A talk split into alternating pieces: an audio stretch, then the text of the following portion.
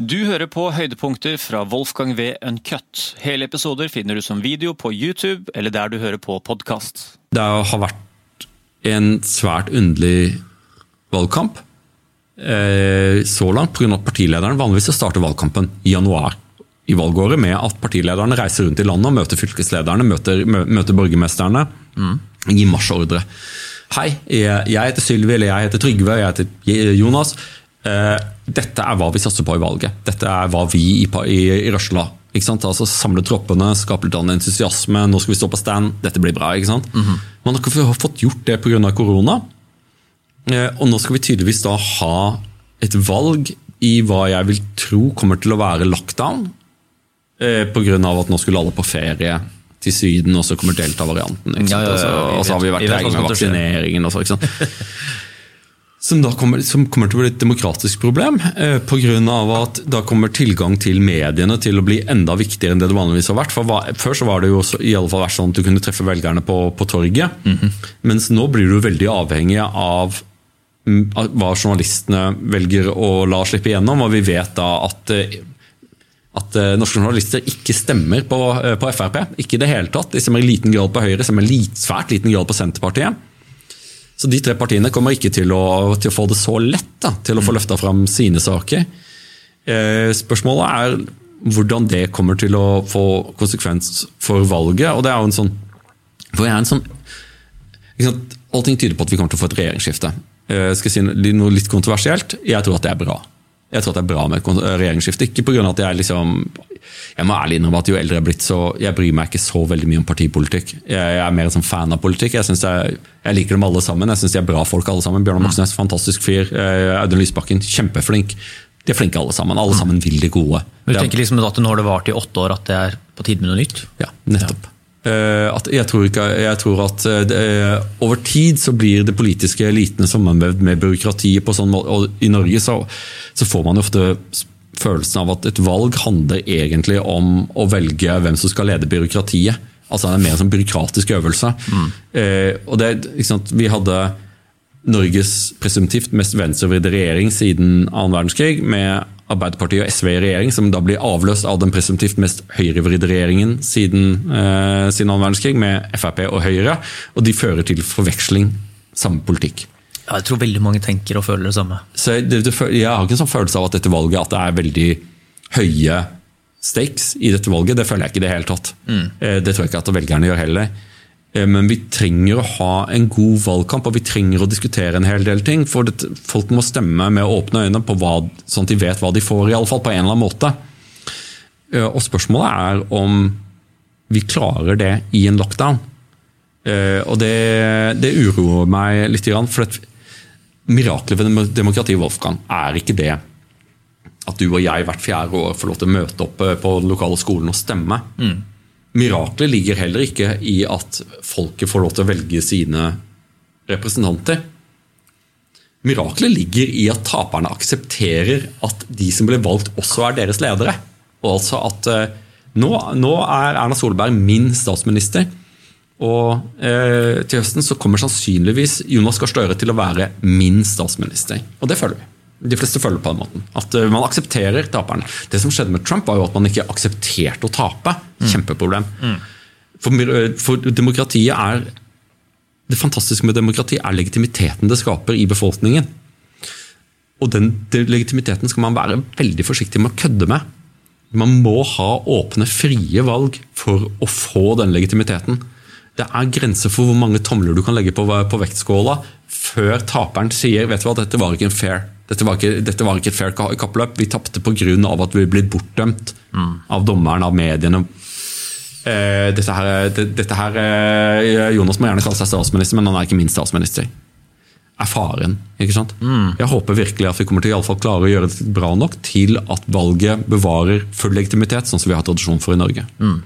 Men det, det, er litt underlig sånn statistisk også. Sånn at hvis, eh, og det, sånn er det med presidenter også, Hvis du sitter i to perioder, så er det statistisk veldig liten sannsynlighet for at man sitter også den tredje. at Det er liksom det, er sånn, det behovet bare for endring. Vi, er jo egentlig, vi mennesker er jo veldig lite glad i endring i livene våre, men når det kommer til, liksom, til, til politikere og de som skal styre landet, så er vi liksom ivre på at kanskje det skal skje noen med forandringer som sannsynligvis kommer oss til gode. At det ligger sånn at ok, det er greit nå, men vi kan vel kanskje få det bedre hvis vi får inn noe nytt og friskt. Og det da og jeg vet ikke om folk, Er folk også lei Erna? Blir man lei statsministeren sin, som da på en måte går inn i eh, med et friskt mot i starten av perioden, og det føles nytt og spennende, og det, til at det bare blir repeterende, og du kjenner ikke igjen den, den uh, Jern-Erna som, uh, som vi en gang hadde i tida, som nå bare er en sånn generisk statsminister, nesten som, som mener veldig forutsigbart om de tingene vi tenker at hun kommer til å si. da.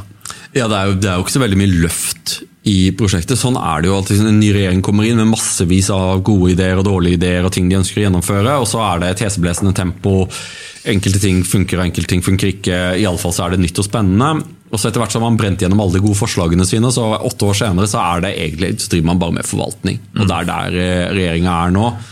Så jeg tror nok at det vil kunne være sunt å få inn noen, noen, noen nye koster, eh, som kanskje ser ting litt annerledes. Og Jeg har ikke noe sånn uro over Jeg antar at det kommer til å bli en Arbeiderparti-, Senterparti-, SV-regjering. Masse flinke folk der. De kommer sikkert til å gjøre en helt fin jobb. Eh, enkelte kommer til å gråte, andre kommer til å juble, men det kommer ikke til å være radikalt.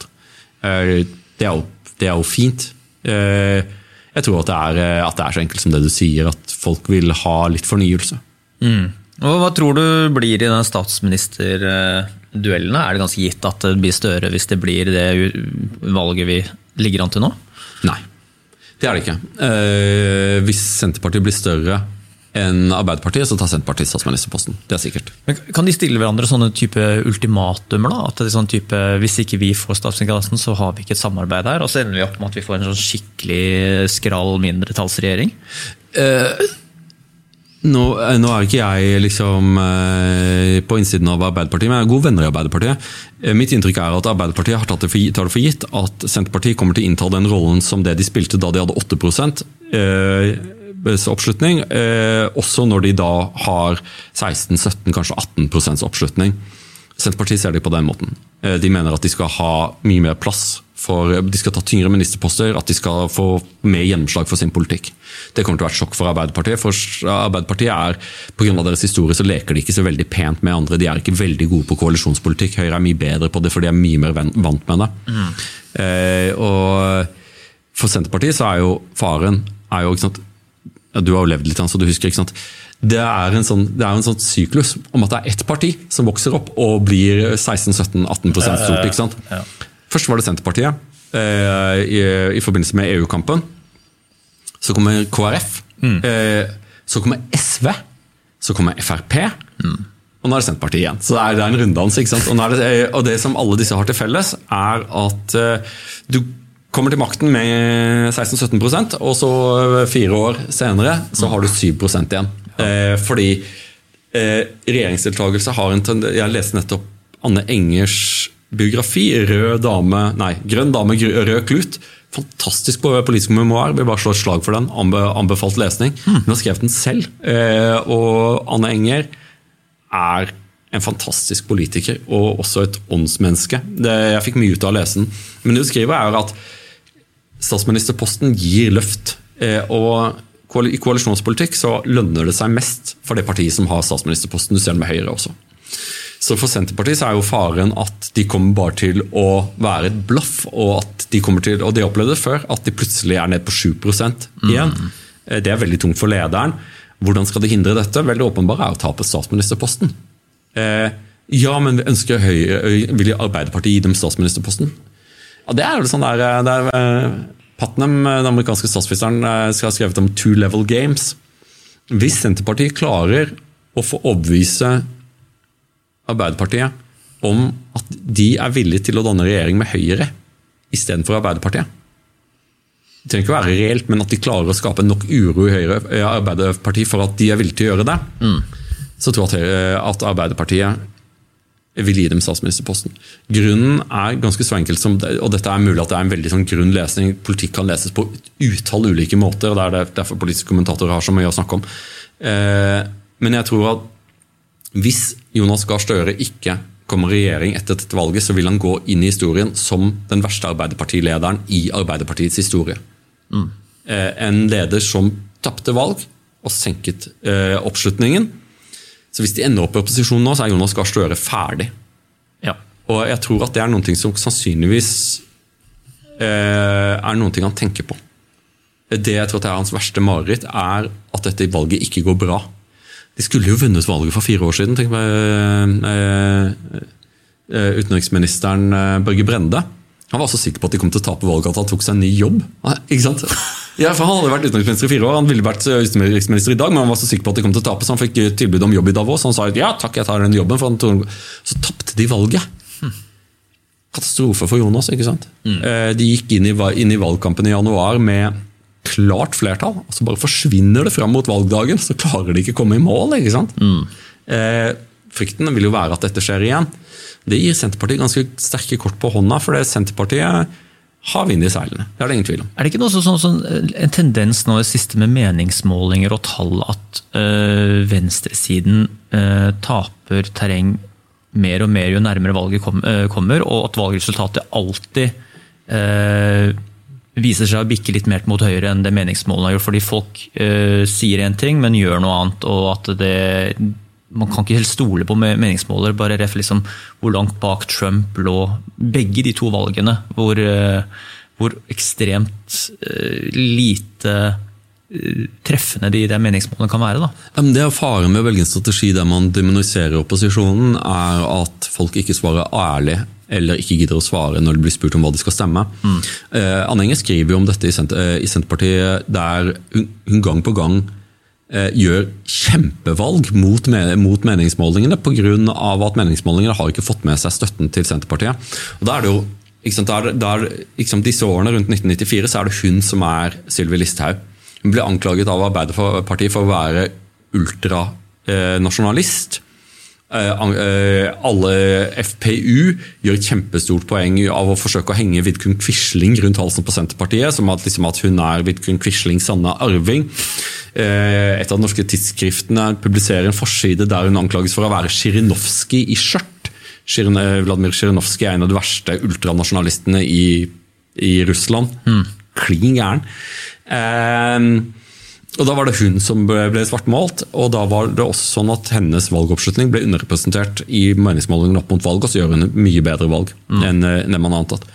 Eh, om det kommer til å gjelde for, for Frp nå, tviler jeg på. Liksom, FRP kommer, hvis Frp klarer tosifra, så er det et kjempegodt valg for Frp.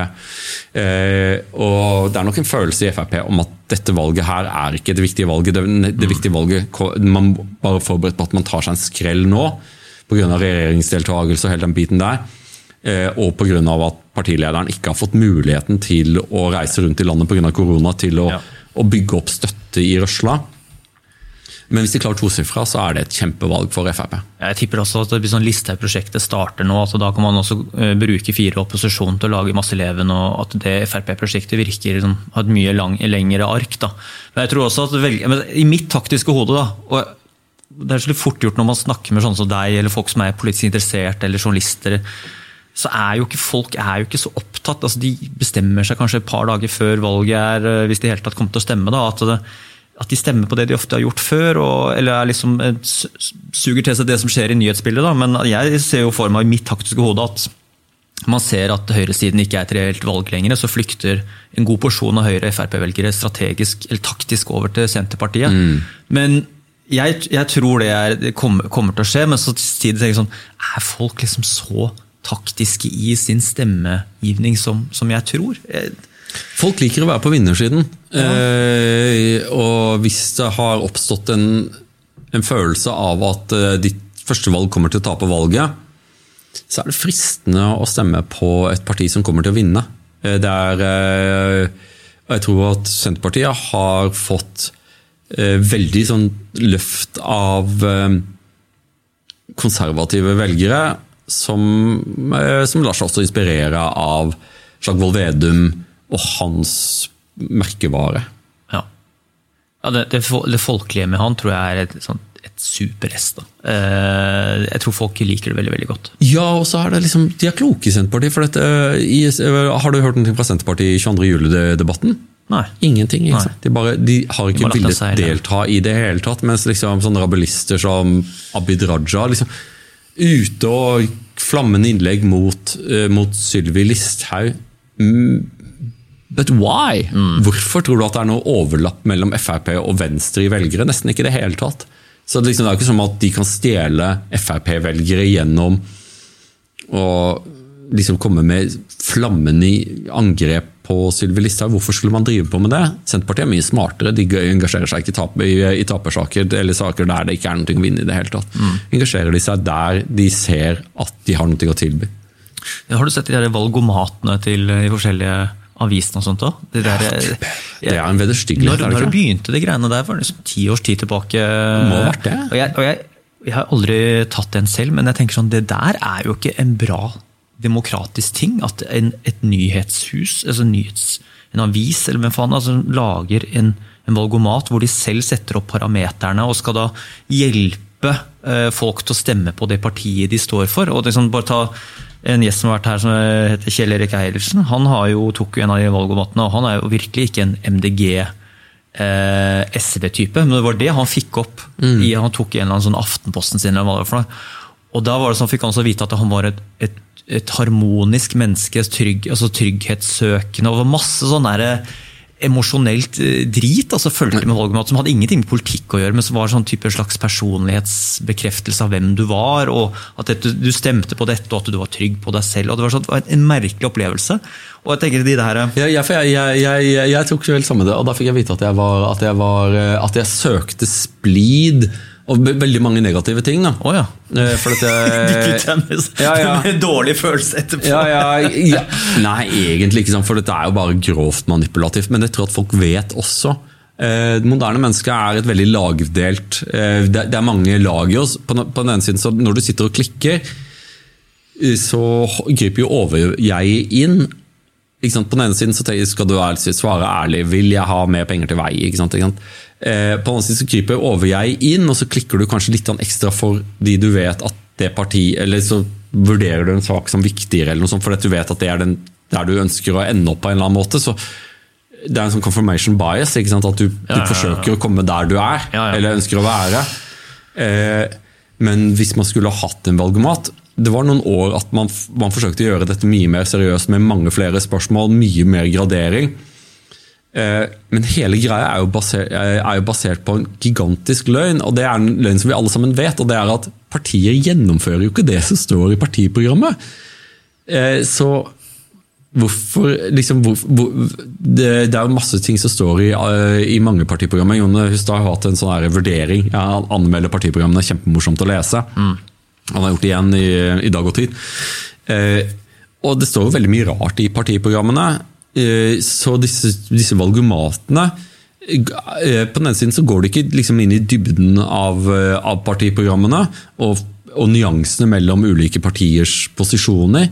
Samtidig som at eh, leserne vi, jo, vi, vi, som klikker, er jo ikke helt ærlige med oss selv heller. Jeg tror at Konklusjonen blir litt sånn som du sier, at jeg tror at andelen av folk som ikke har bestemt seg for hva de kommer til å stemme før de står foran valglokalet, er økende, og at vi tar våre valg eh, basert på eh, ikke, ikke, ikke, kritisk refleksjon, men mer fordommer. Liksom dagsfølelsen. Liksom, hvordan eh, fanken at ah, liksom, hvis, du er, hvis, du er, sur eller for et eller annet, eller blir for et eller annet, så blir det liksom det ene partiet, eller så blir det, blir det, det andre på, på valgdagen. Mm. Men, men det sånn der, Kanskje vi må forandre måten vi stemmer på. At vi kan legge inn at vi har en, en tidsperiode hvor vi, hvor vi, stemmer på noe, så kan vi endre stemmen underveis. Altså fordi det er jo, da slipper slippe den der, det øyeblikket hvor du skal ta den endelige beslutningen, og så stikker du kort, og så er det liksom irreversibelt. Hvis du går inn i deg selv og faktisk kommer i en sånn slags valgmodus etter hvert, da, som gjør at du faktisk tenker og følger litt mer med i en viss periode. Altså så sånn, nei, Var det egentlig riktig å stemme på Høyre den gangen her? Kanskje jeg burde tatt Senterpartiet? Nå har jeg jo sett liksom mer av Vedum siste dagen. Nei, faen, vet du hva! Nå angrer jeg på at jeg eh, altså, det må jo være liksom det er veldig sånn, null, liksom, Når du har bestemt deg, så har du bestemt deg. Det er, det er, det er en del eksperimentering i ulike land på dette, bl.a. i USA, der man har ja. gradert stemming. altså at du sier eh, jeg, ja, setter, jeg setter eh, jeg, Du kan få velge tre, så setter du da Arbeiderpartiet som nummer én, og så min mm. andre stemme går til SV, og min tredje stemme går til RV. La oss si, da. Eh, problemet blir at eh, det gjør det svært vanskelig å regne ut hvem som vant valget. Så vi har også et behov for å vite hvem som vant valget, aller helst på kvelden. altså bli ferdig med Det Det kan ikke trekke ut i uker og måneder mens man finteller på, på annen- og tredjepreferanser. Eh, jeg tror at det systemet vi har, er det best tenkelige, mm. med alle sine svakheter. Og at man skal være svært forsiktig på å forsøke å file på det for å gjøre det mer representativt. mer eh, mer dekkende for dine individuelle preferanser. For det viktigste er at vi får valgt en fungerende regjering for landet. Mm. Og erfaring tilsier at det er ikke og det er stygt å si, men det er ikke så viktig.